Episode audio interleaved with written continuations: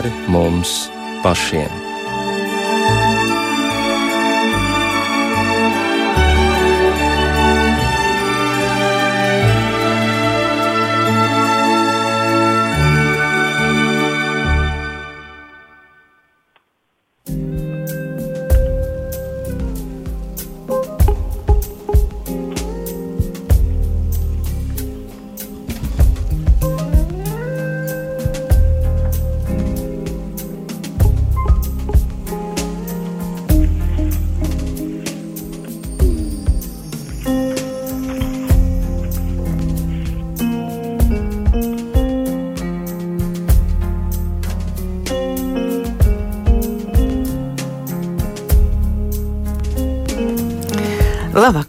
Ar jums kopā ir Inta Bružēvica. Skan raidījums pāri mums pašiem, pie skaņa pults Iveta Zvēniece.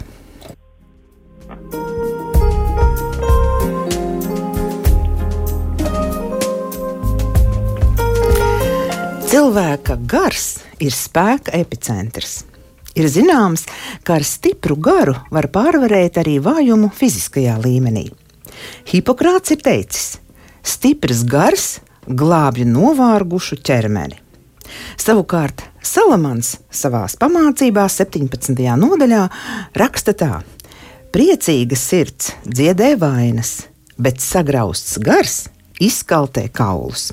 Es paskatījos, ka citos tulkojumos vārda sagrausts vietā ir nospiests, nomākts gars. Tas man šķiet nu, vēl labāk raksturo šo stāvokli. Kas var tā izpaidot cilvēka garu, ka tas kļūst nomākts? Kas raksturo stipra gara cilvēku? Un kā par tādu kļūt? To vaicāšu šī raidījuma dalībniekiem. Attālināti sarunā piedalīsies priesteris, vikārs ķemeru, majoru un slokas katoļu draugs Juris Jalinskis. Labvakar, Juri! Labvakar! Un dzēniece, Ilģu ciema sieviešu cietuma kapelāne, Cīravas Lutāņu draugas mācītāja Rudīte Losāne. Labvakar, Rudīte! Labvakar! Tā, jūs mūs labi dzirdat, un mēs varam sākt sarunu. Mēs visi gribam būt stipri. Stipri fiziski un stipri savā garā.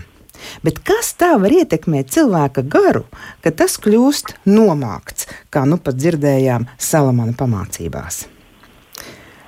Ja jūs būtu studijā, tad droši vien Juris paskatītos uz Rudīti un dotu viņai vārdu. Vai ne, Juri? Jā, labprāt. Jā, katrā ziņā prieks, Juri, ar jums tikties šādā raidījumā un kopā diskutēt par cilvēka garu un tā tālāk.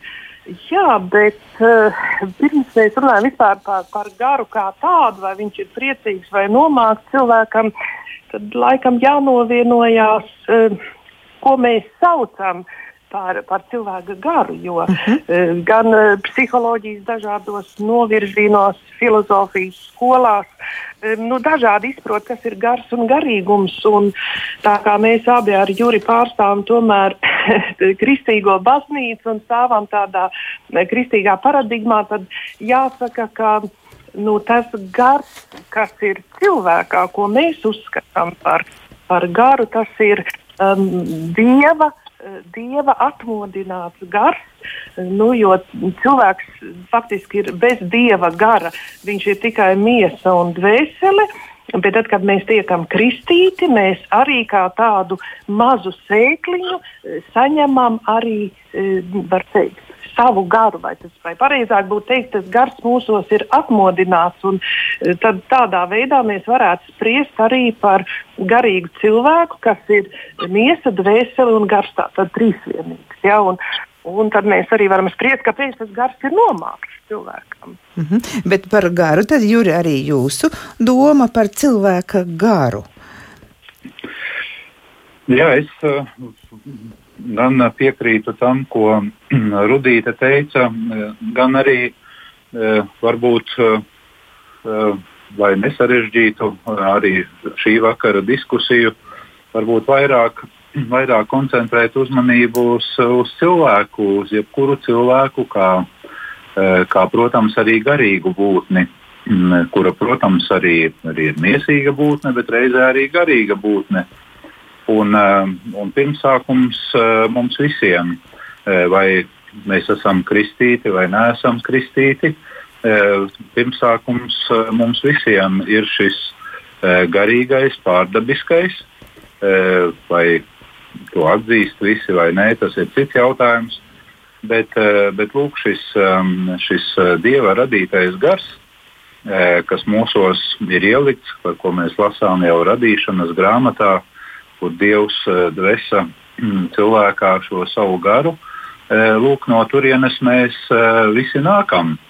Un, un, ja mēs runājam pēc tam tālāk par to, kā šis mūsu gars jūtas, tad neapšaubāmi sākotnēji, tāpat kā visu, ko ir radījis Dievs, kā viņš pats atzīst, tas viss ir neizmērojami labs.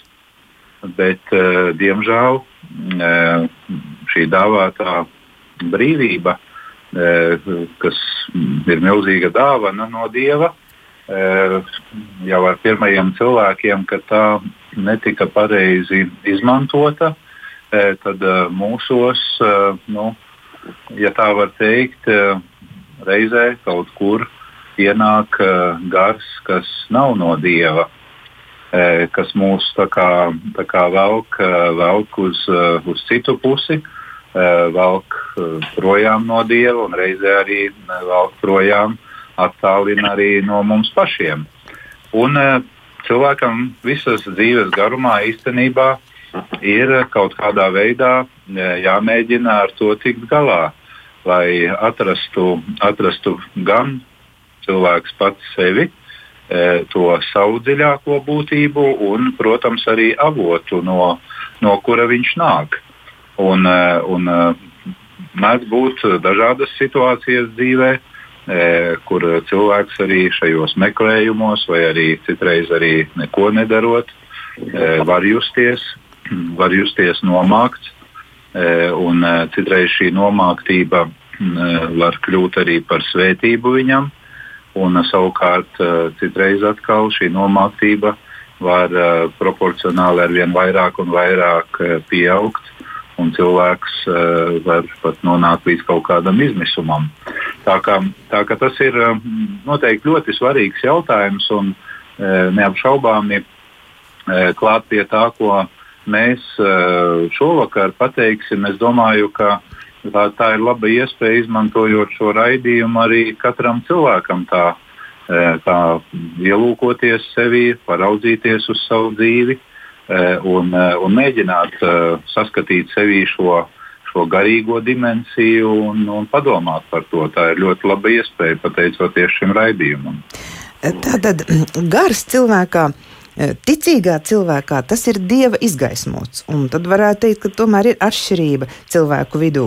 Ticīga cilvēka gars, kur dieva atmodināts, kā Rudīta teica, Un savukārt, nu, cilvēks, kas netic, nu, kaut kā ja viņš arī cīnās ar saviem spēkiem un stiprina to savu garu, un līdz zināmai robežai viņam noteikti arī izdodas.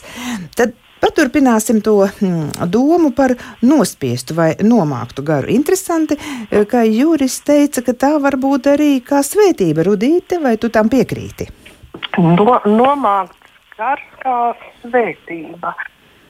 Uh, nu, grūti pateikt, noteikti Juris to tuvāk paskaidrot, kā var būt nomākts. Es domāju, ka nu, tā svētība varētu izpausties tā, ja cilvēks ir nomākts, tad viņš meklē, meklē kaut kādu iespēju no tā nomāktā stāvokļa tikt ārā. Jo tas ir diskomforts, vai ne? Jā, nenoliedzami. Un, un ja cilvēkam ir nomākts gars, tad acīm redzot, kaut kas šajā dzīvē nav pareizi darīts, kaut kas ir, kaut kādas kļūdas ir izdarītas vai arī cilvēks nonācis kaut kādā dzīves diskomfortā, nu, es noteikti varu minēt savu pieredzi cietumā, kad es pirmo reizi satieku sievieti, kas ir apcietināta, nonākusi izolatorā. Nu, viņas visas tur ir nomāktas. Ja, varbūt piekrītot Jurim, tajā brīdī, kad viņas tur jūtās nomāktas, viņas meklē, meklē atbildes, meklē kaut kādas iespējas, un tad ir iespējas arī tikties viņām ar kapelānu, viņas raksta iesniegumu, tad mēs runājam par garīgām lietām. Jā, tādā ziņā eh, šī nomāktība ir, ir, ir laba, lai tiktu no kaut kāda, nu, var teikt, nepareizas dzīves situācijas, kur šis cilvēks ir nonācis. Ja, un, bet katrā ziņā tā, tā, tās normālais dvēseles stāvoklis vai gara stāvoklis būtu noteikti priecīgs un arī pateicīgs. Ja, tas būtu tas stāvoklis, par ko runā arī Pāvils vēstulē Galatiešiem, e, kāds tad ir garīgs cilvēks, kas arī savā garīgajā tapšanas procesā ir izaudzis. Tur ir pavisam deviņas tādas brīnišķīgas rakstura īpašības vai īpašību komplekts e, kur viens, viens no šī komplekta, viena īpašība no šī komplekta ir arī prieks. Ja, tā kā nu, es domāju, tomēr, ja es runāju par garīgu cilvēku, tad mums ir jātiec uz to, lai mēs nebūtu nomākti. Mm. Es arī pilnībā piekrītu, kad uh, tas mērķis um, iet tiekties tieši uz, uh, uz šādu stāvokli, uh, ko Rudīta pieminēja un ko apustulis Pāvils arī min vēstulē galatiešiem. Bet um, ņemot vērā to, ka E, šādu ideālu stāvokli e, mēs e, nevaram tā šeit virs zemes pilnībā sasniegt un šādā stāvoklī arī visu laiku palikt. Jo, jo dzīve piedāvā caur savu ikdienu, caur dažāda veida grūtībām, arī, arī cilvēkam pārbaudījumus un, Un, uh, mēs visi zinām uh, arī no savas pieredzes, ka uh, ja pat tā daudz maz ikdienā uh, dzīve iet savu gaitu, tad uh, tomēr uh, pienāk brīži, uh, kur uh, mēs, uh, nu, ja tā var teikt, sasniedzam šīs mūsu pašreizējās cilvēciskās robežas. Un, uh, tad, kad mēs nonākam pie šīm robežām un uh, saprotam, ka būtu vajadzīgs vēl kaut kas vairāk, eh, vēl kādu soli paspērt tālāk, eh, bet to nespējam, tad eh, cilvēka gars neapšaubāmi jūtas nomākts. Un šādā brīdī lūk tieši kā svētība šis nomāktais gars kļūs tad, ja cilvēks cenšas ar eh, tiem spēkiem, kas viņam ir, un, protams, primāri ar gara spēkiem, šīs savas robežas paplašināt, eh, mēģināt, eh, mēģināt meklēt palīdzību, un, un svētīgi, protams, ir tie cilvēki, kuriem izdodas tieši pie šīm robežām izjust savā nespējā šo dieva spēku. Un par to starp citu arī ļoti, ļoti spilgti runā arī apustulis Pāvils vēstulē korintiešiem, e, kur e, starp citu arī Pāvils e, izjūta savas dabas vājumu, un kā viņš pats saka, viņš trīs reizes lūdza, lai Dievs atbrīvo viņu no šī stāvokļa.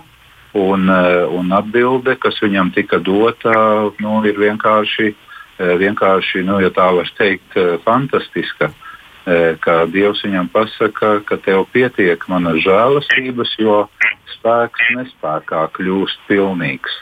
Un te mēs redzam lūk, to tādu pāreju šajos vārdos, ka tā tad ir sākumā kaut kur tas mūsu nespēks, tā mūsu nomāktība, un pēc tam, ja cilvēks sastopas ar šo e, dieva e, žēlastības pieskārienu, tad šis viņa Eh, nespēks eh, kļūst eh, pilnīgs dieva spēkā.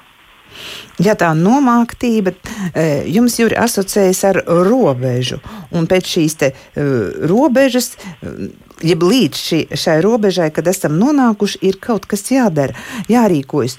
Tad tālākais jautājums, ko tad mēs varam darīt tādā situācijā, kad esam ar nospiestu vai nomāktu garu, jūtam tālāk tā vairs iet nevar, jo tā ir robeža. Kas mums jādara, Rudīt? Tu jau ieskicēji priecīgs un pateicīgs gars. Nu labi, bet tā uzreiz jau var nevar sākt priecāties. Nu, jā, nu, te noteikti vajadzētu sevi izmeklēt, ja, jo tāds nomākts gars var būt dažādu iemeslu pēc. Un, Un arī varētu būt, ja ko mēs šodien saucam tādā baznīcas kontekstā par grēku, ja cilvēks grēko, ja viņš to dara slepus un, Un, vai arī, nu, ja mēs lietojam šo vārdu, grieķu vārdu hamarcija, eh, no, kas arī nozīmē grēkot, bet aizšaut garam, varbūt tāds tiešāks tulkojums, aizšaut garam mērķim.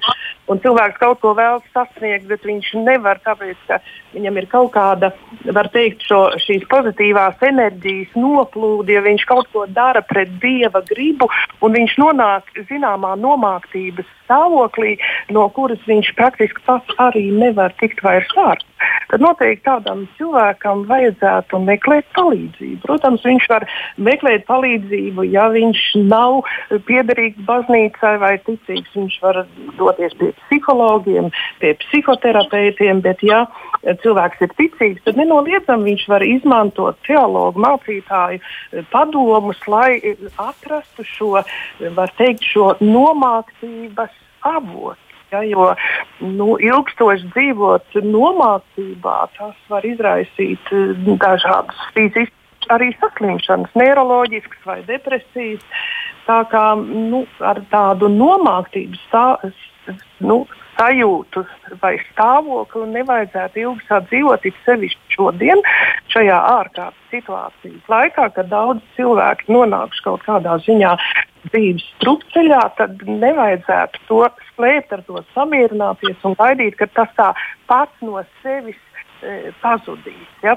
Tas būtu viens tāds aspekts, bet ir jāatcerās arī, ka nu, mēs nevaram runāt tikai par garīgām, e, par cilvēku kā par garīgu būtni vietu. Tomēr e, cilvēks arī ir, ir miesiska, miesa, kā teikt, kurā dvēsele un gars mājo.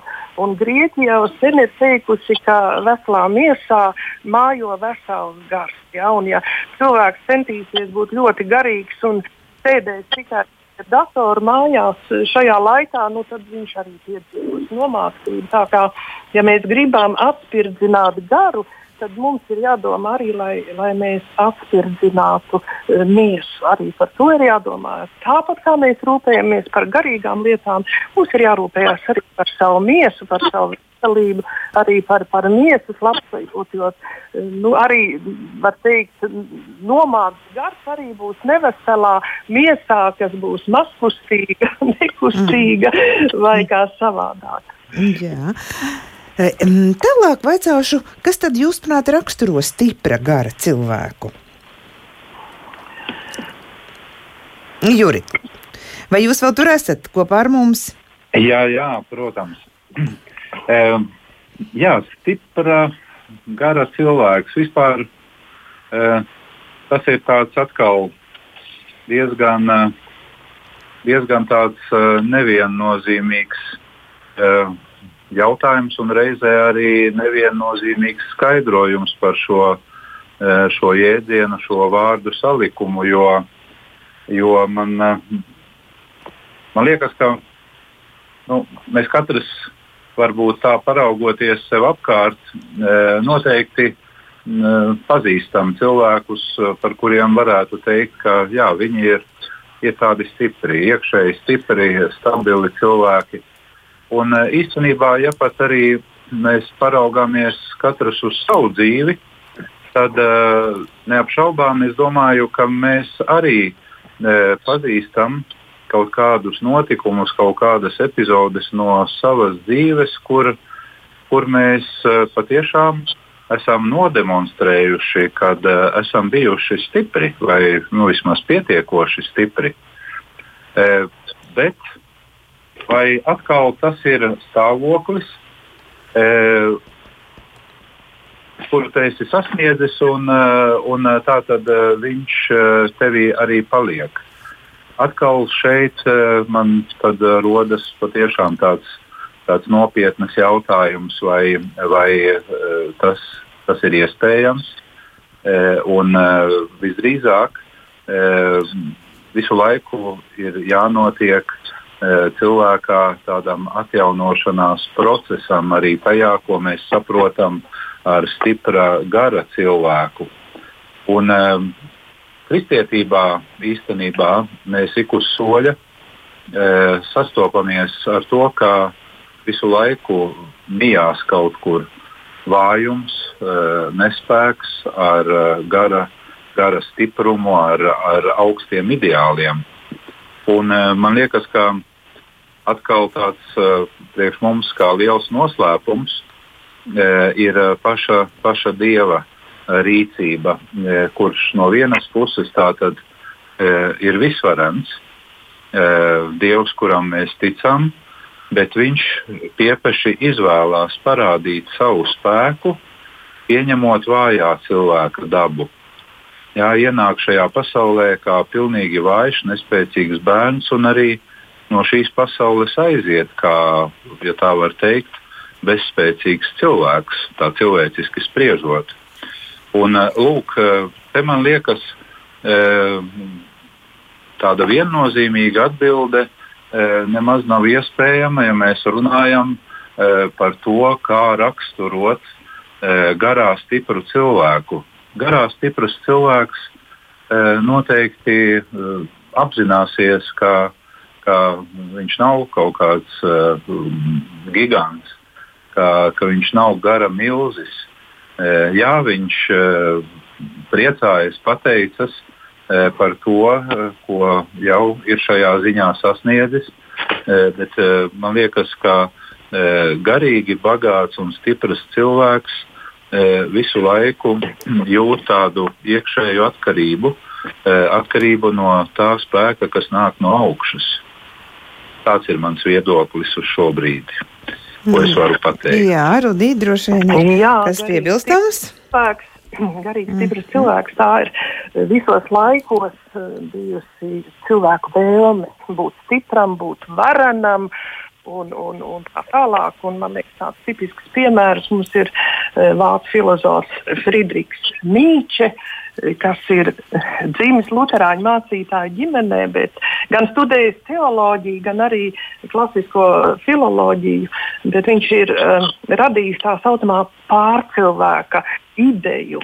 Un mēs redzam, kā šī pārcilvēka ideju ir paņēmuši savā laikā politiskie spēki Vācijā un, un, un faktiski gribējuši izveidot cilvēku, kas dominē pār pārējiem. Ja? Un jebkura ideja ārpus Kristus radīt kaut ko, radīt spēcīgu cilvēku, nozīmē attīstīt un pilnveidot savu egoismu, savu ego, varbūt ego nebūtu pareizi lietot, bet, bet savu egoismu. Bet te, te jau Juris iezīmēja, ieskicēja to, ka Kristus parāda pilnīgi cita spēcīga cilvēka piemēru, ka mēs paskatāmies, viņš patiešām bija gara milzis, garīgi spēcīgs jo viņš bija pats dievs. Taču, ja mēs ieskatāmies viņa cilvēciskajās īpašībās, tad viņš nekautrējās parādīt savu vājumu. Gan ģedzemenes dārzā, pirms došanās Golgāks ceļā, ciešanās viņš, viņš raudāja, viņš baidījās. Un mēs arī citās vietās redzam, ka viņš nebaidās savas cilvēciskā vājuma.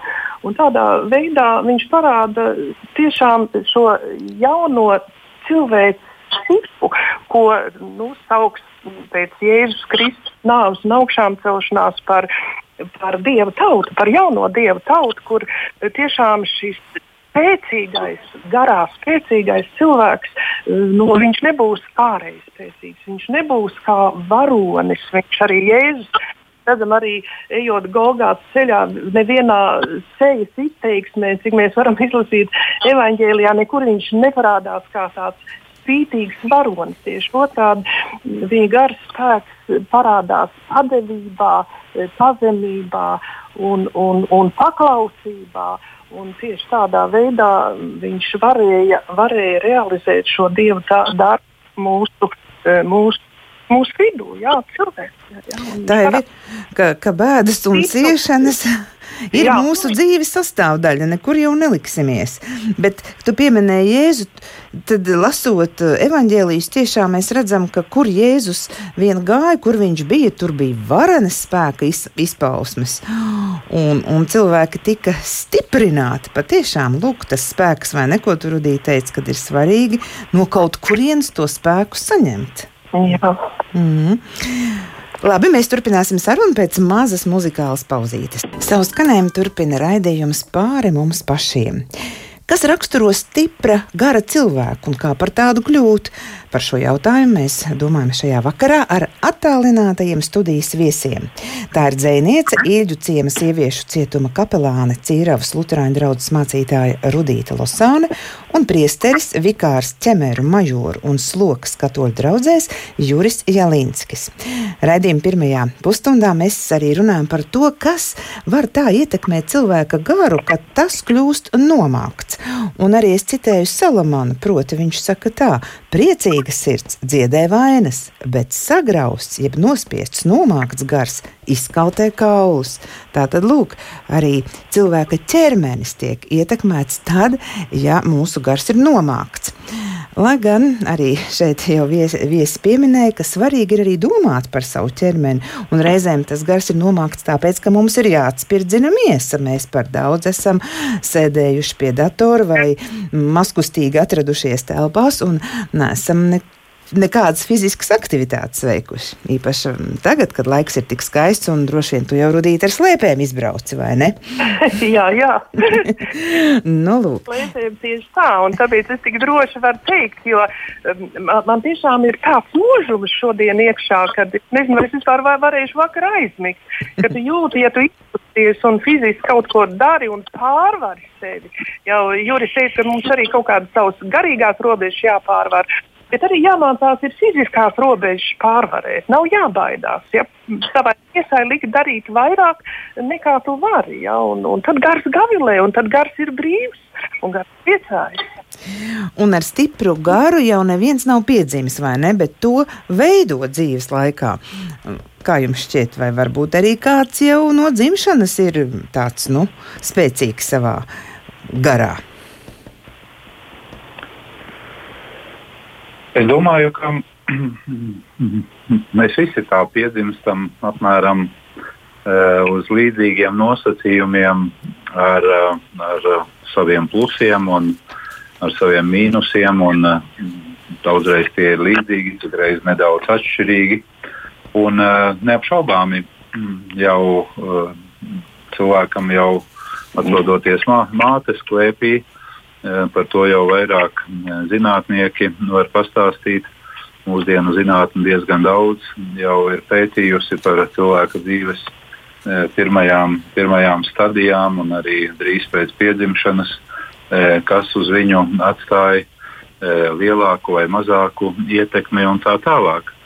Un, un pēc tam augot, attīstoties, neapšaubāmi tās ikdienas arī grūtības tās stiprina garu, tās norūda cilvēku.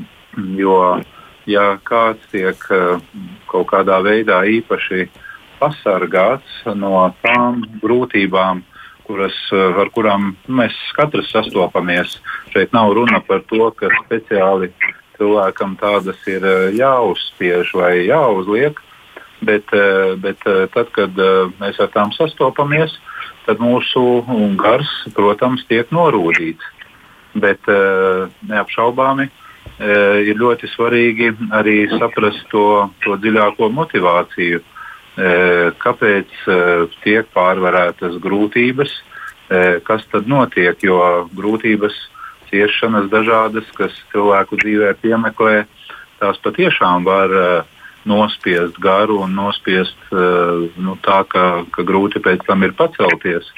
Savukārt, uh, ja uh, cilvēks ar šo gara spēku vienmēr tic tam labajam, tiecās uz priekšu, saprot, ka šīs grūtības viņu norūda, tad neapšaubāmi viņš tikai no tā ir ieguvējis.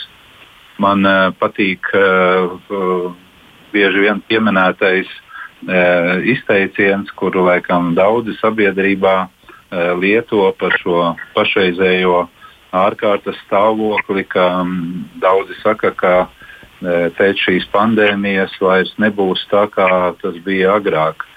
Un, es pilnībā piekrītu arī šodienas raidījuma kontekstā. Es domāju, ka vai nu mēs pēc šīs pandēmijas, un es šeit domāju vispirms jau katrs individuāli, vai mēs no šī laika iznāksim ārā vai nu stiprāki vai vājāki. Bet tādi paši diez vai.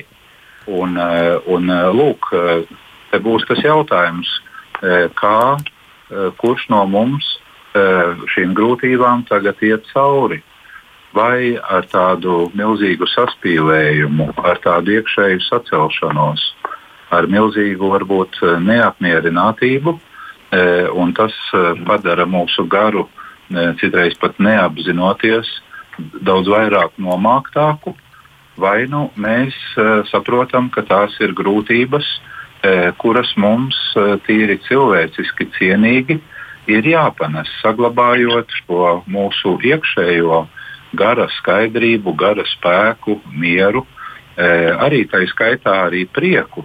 Jo ciešanas un grūtības nekādā ziņā e, nedrīkstētu uzskatīt par tādu sinonīmu, e, ka mana dzīve ir nelaimīga. Jo cilvēks, kurš pārdzīvo grūtības, var būt arī laimīgs cilvēks. Un to mēs nedrīkstētu aizmirst. Un, un tieši paraugoties sevi, pameklējot savu dziļāko garīgo būtību, tur mēs atradīsim to atbildi. Tāpēc arī neskatoties uz dažādām grūtībām un šiem grūtākajiem periodiem dzīvē, mēs tik un tā varam un drīkstam sevi uzskatīt par eh, laimīgiem cilvēkiem. Jā, šis patiešām ir rūdījuma laiks. Un kaut kur es lasīju, ka cīnoties parasti spēks tikai pieaug. Rudīt, kāds tev ir izjūts par šo laiku? Um, par laiku es, es arī vēl parunāšu, bet atbildot uz savu jautājumu, vai, bērn, vai var teikt, bērnam ir, bērns ir garīgi spēcīgs.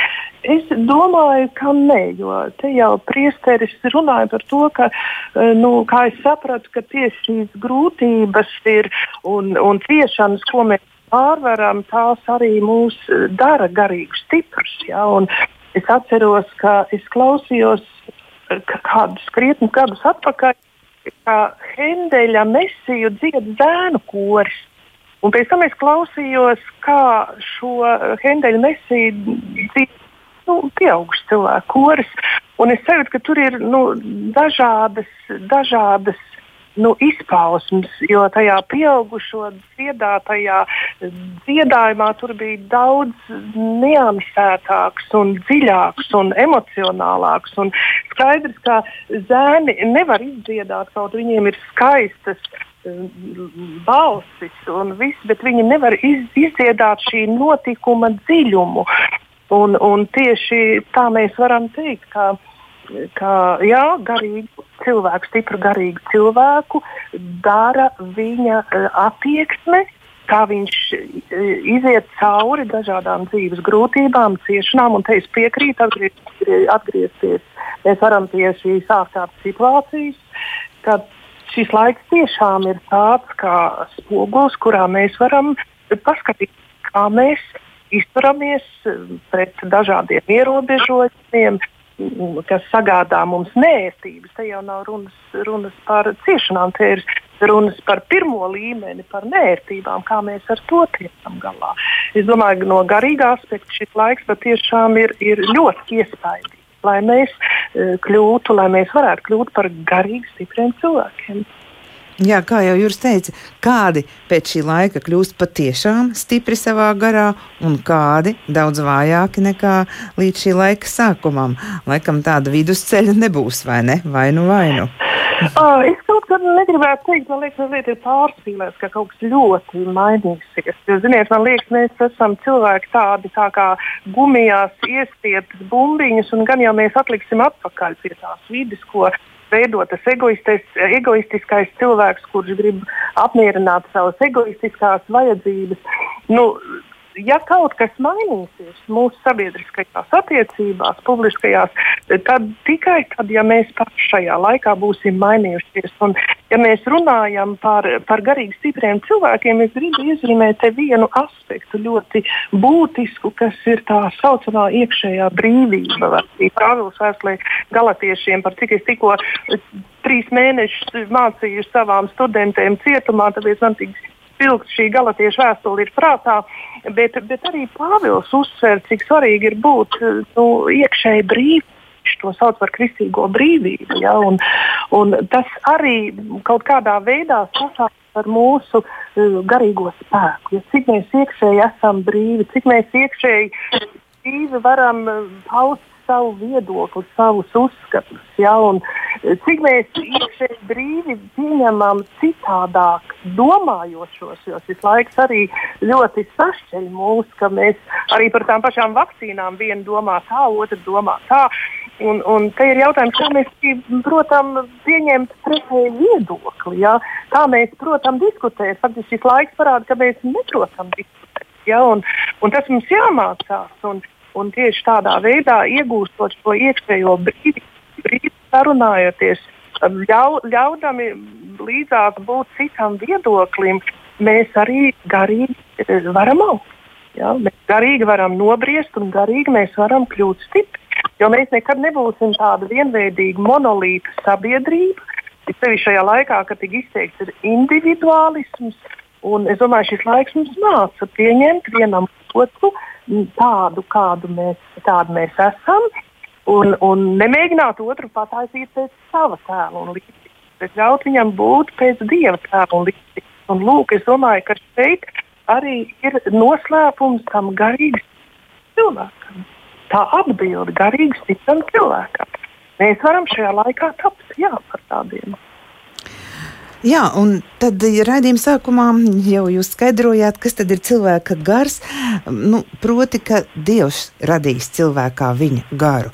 Un to arī Caharijas grāmatā vēl pirms raidījuma arī izlasīja, kur 12. nodaļā teiks, tas kungs radīs cilvēkā viņa garu. Un tad jautājums. Mm, kas radīs, tas arī zina vislabāk, kā to labot, kā viņu stiprināt. Ja gadījumā viņš ir eh, teiksim, nomākts, nospiests, tad sabojājies. Ja tā vienkārši sakot, tad, tad vajag tur kaut ko darīt, vajag tur kaut ko labot. Kā tad Dievs dara stipru cilvēka garu? Juri, prasīšu jums sākumā, pēc tam rudīt. Ja?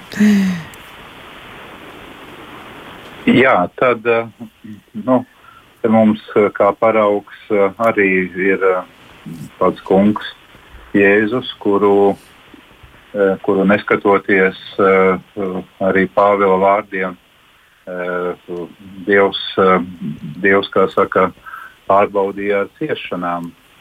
Un neskatoties uz to, ka viņš bija, bija dēls, tik un tā viņš arī pats pazemināja pats sevi E, pieņemdams šo, šo cietēju kalpa e, veidu, tas citiem vārdiem e, pieņemot nu, cilvēka, cilvēka veidu, cilvēka, cilvēka vājo dabu, kas ir ievainota.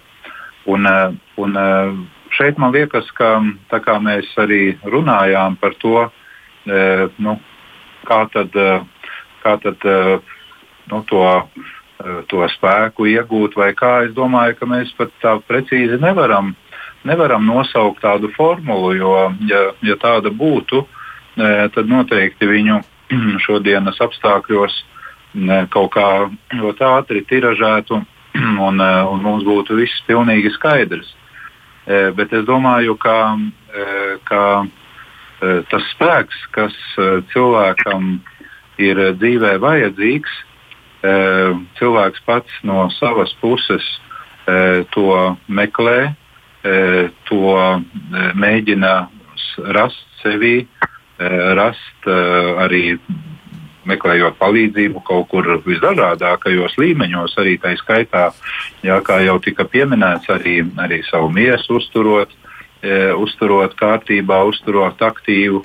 Bet uh, neapšaubāmi šeit mēs vienalga tikai varam runāt par cilvēkiem, kuriem, kuriem šī miesa patiešām nu, ir funkcionāla, bet, bet tik daudz cilvēku, jā, sevišķi tagad, paklausies par tiem cilvēkiem, kas, kas pašreiz, kā saka, ārkārtas stāvoklī vairāk nekā tūkstots atrodas nekustīgi slimnīcā.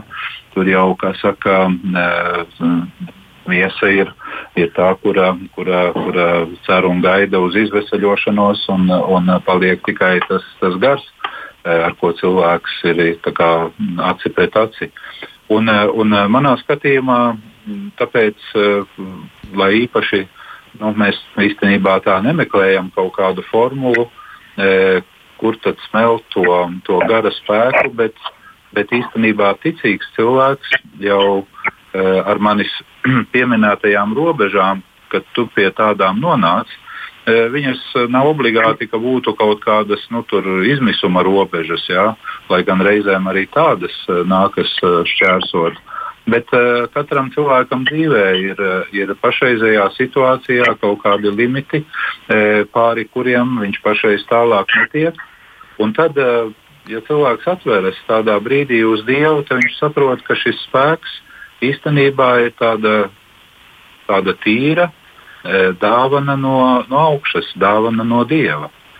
Un e, kurā brīdī e, dievs šo dāvanu cilvēkam iedod, tas arī priekš mums paliek noslēpums, jo reizēm ir vajadzīgs, lai šīs mūsu slāpes kļūst ar vien dziļākas, tīrākas, arī mūsu ticība caur to attīrās. Bet es domāju, ka mūsu katra jau iepriekšējās dzīves pieredze, e, kurā, e, kurā mēs noteikti esam pamanījuši, cik e, dažreiz sarežģītos dzīves gadījumos mēs esam saņēmuši šo palīdzību, šo spēku no augšienes. Šie visi pagātnes piedzīvotie notikumi noteikti mums neļauj arī domāt, ka Dievs nedāvās šo spēku mums arī turpmāk, kad tas būs vajadzīgs. Es piekrītu, Juri, ka tādas formulas varbūt tiešām nav, bet, manuprāt, ir svarīgi apdomāt, pie kādiem avotiem mēs to garu, savu cilvēka garu dzirdam. Ja? Mēs viņu varam šajā Covid situācijā eh, pabarot ar šaubām, ar bailēm, un, un tad brīnīties, nu, kāpēc ar mani ir tā, kā ir, kāpēc viņš ir nospiests. Bet mēs viņu arī varam vest kaut kur citur, ja pabaroties pa, un padzirdīt viņu, un, un lūk, viņš atspirkt. Jā, es domāju, ka viena no tādām izteiktām eh, dievlīdzībām, dievlīd, diev, dievlīdzības tādas izteiktas cilvēkā ir viņa kreativitāte. Eh, jebkurā situācijā ieraudzīt kaut kādu izēju, meklēt. Ja? Mums šis spēks ir iedots. Un es domāju, arī šajā situācijā ir ļoti svarīgi kā jebkurā krīzē, kas faktiski krīzes tas ir grieķu vārds, kas sastāv no divām daļām, kad kaut kas tiek noārdīts un kaut kas no jauna uzcelts. Un, Un, un es domāju, ka šajā laikā mums, lai nebūtu šis nomāktais gars, ir jā, jā, jā, jāiemācās saskatīt šī pozitīvā izēja. Un, un šeit ļoti nozīmīgs aspekts, par cik mēs zinām, ka šis spēks nāk no dieva, ir, ir lūkšana un tāda tiešām tāda reāla lūkšana konkrētā situācijā pēc konkrētām vajadzībām. Es šeit nedomāju uh, par liturģiskām lūkšanām, tam ir uh, sava vieta un savs laiks, bet tiešām tāda ļoti dziļa un, un, un uh, sirsnīga un patiesa un atklāta iekšēja saruna ar Dievu. Un, un es domāju, mēs katrs šādā lūkšanā esam pieredzējuši, ka mēs piedzīvojam kaut kādu atklāsmu, kaut kādu klikšķi, kas mūs izved no šīs situācijas ārā un mēs ejam tālāk un, un, un, un redzam, ka, ka no šīs nu, teikt, nelaimes, krīzes mēs tiekam kaut kādā veidā izvest ārā. Un, un ir tāda lieta, ka uh, Es esmu ievērojis arī daudz bībelē par to rakstījis, arī praktiski savā dzīvē. Visur mums ir teikts, ka mums ir viss iedots par, par, par velti. Ja? Mums ir iedots žēlastība par velti. Mums jau tagad ir iedota mūžīgā dzīvība par velti. Bet, kā Jēzus gudri ir teicis, respektīvi Dieva vārds caur Jēzu nonāk pie mums.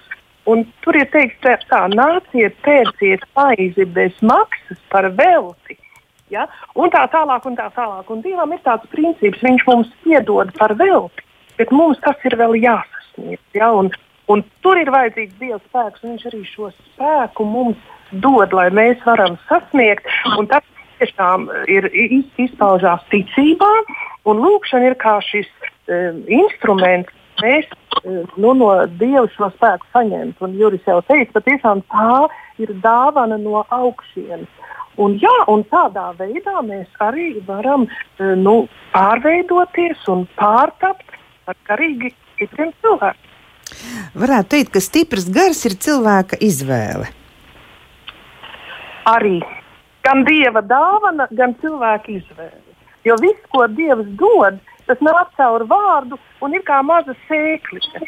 Tu jau to sēkliņu vari turēt un, un neaplaistīt un nekopt, un viņa tev kā sēkliņa paliks.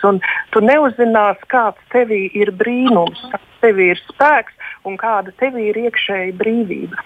Bet tu vari viņu kopt un laistīt. Un, un, un, un dzīvot garīgu dzīvi, lai, lai šī mazā sēkliņa augtu un lai tu piedzīvotu šo gara spēku, jo tieši tā tas gara spēks arī aug kā maza sēkliņa par lielu koku. Tā arī aug šī kristīgā brīvība, kas mums ir iedota. Tā, tā arī mūsos veidojas šī mūžīgā dzīvība, kas mums tā sēkliņa ir ielikta, bet vēl līdz dzīves beigām mums līdz viņai vēl jāiet. Tā Dievs darbojas. Viņš iedod par velti un tomēr prasa mums to sasniegt vai nopelnīt. Nu, varbūt tas nebūtu teoloģiski pareizi vārds teikt, bet, bet sasniegt. Juri, vēl kāds nobeiguma vārds mums raidījuma laiks jau aizrit. Jā, es tad tikai pilnībā piekrītu tam, ko teica Rudīte, kad šī lūkšana dzīve, kas bagātina uh, Eh, cilvēka garu, eh, tā mums eh, ir vitāli nepieciešama, kā tomēr salīdzināt ar tādu skābekli priekš mūsu dvēseles, tad to, to gribās, lai mēs nepazaudējam ikdienā, bet jo sevišķi tā mums ir vajadzīga brīžos, kur mūsu spēki sāk izsīkt. Tur Tur lūk, mēs tiekam aicināti nākt pie, pie šī dzīvības avota, kas ir Dievs, un caur lūkšanu šo spēku no viņa smelties. Jā, gribētos vēl turpināt, bet diemžēl mēs jaunu domu vairs nesāksim šovakar. Tātad es saku lielu paldies, ka veltījāt šo stundu mūsu klausītājiem. Raidījumā pat telefona piedalījās dzēniece Ilģu ciemas sieviešu cietuma kapelāne Cīravas Luterāņu draudzes mācītāja Rudīta Losāne un priesteris, vikārs, ķemeru majoru un slokas katoļu draudzējs Juris Jalīnskis. Es jums klausītāji novēlu katram piedzīvot šo gara spēka izpausmi savā dzīvē, lai šī mazā sēkliņa, ko Rudīte tā tēlēni teica, iekrīt jūsu sirdī un prasiet dievam, prasiet dievam vārdu no viņa, un viņš jums to dos. Un tad iedēstiet savā sirdī, un, un tiešām, lai jums izdodas kļūt par stipra gara, gara cilvēkiem un arī būt stipriem savā miesā. Lai mums visiem izdodas. Paldies, ka klausījāties ar labvakaru!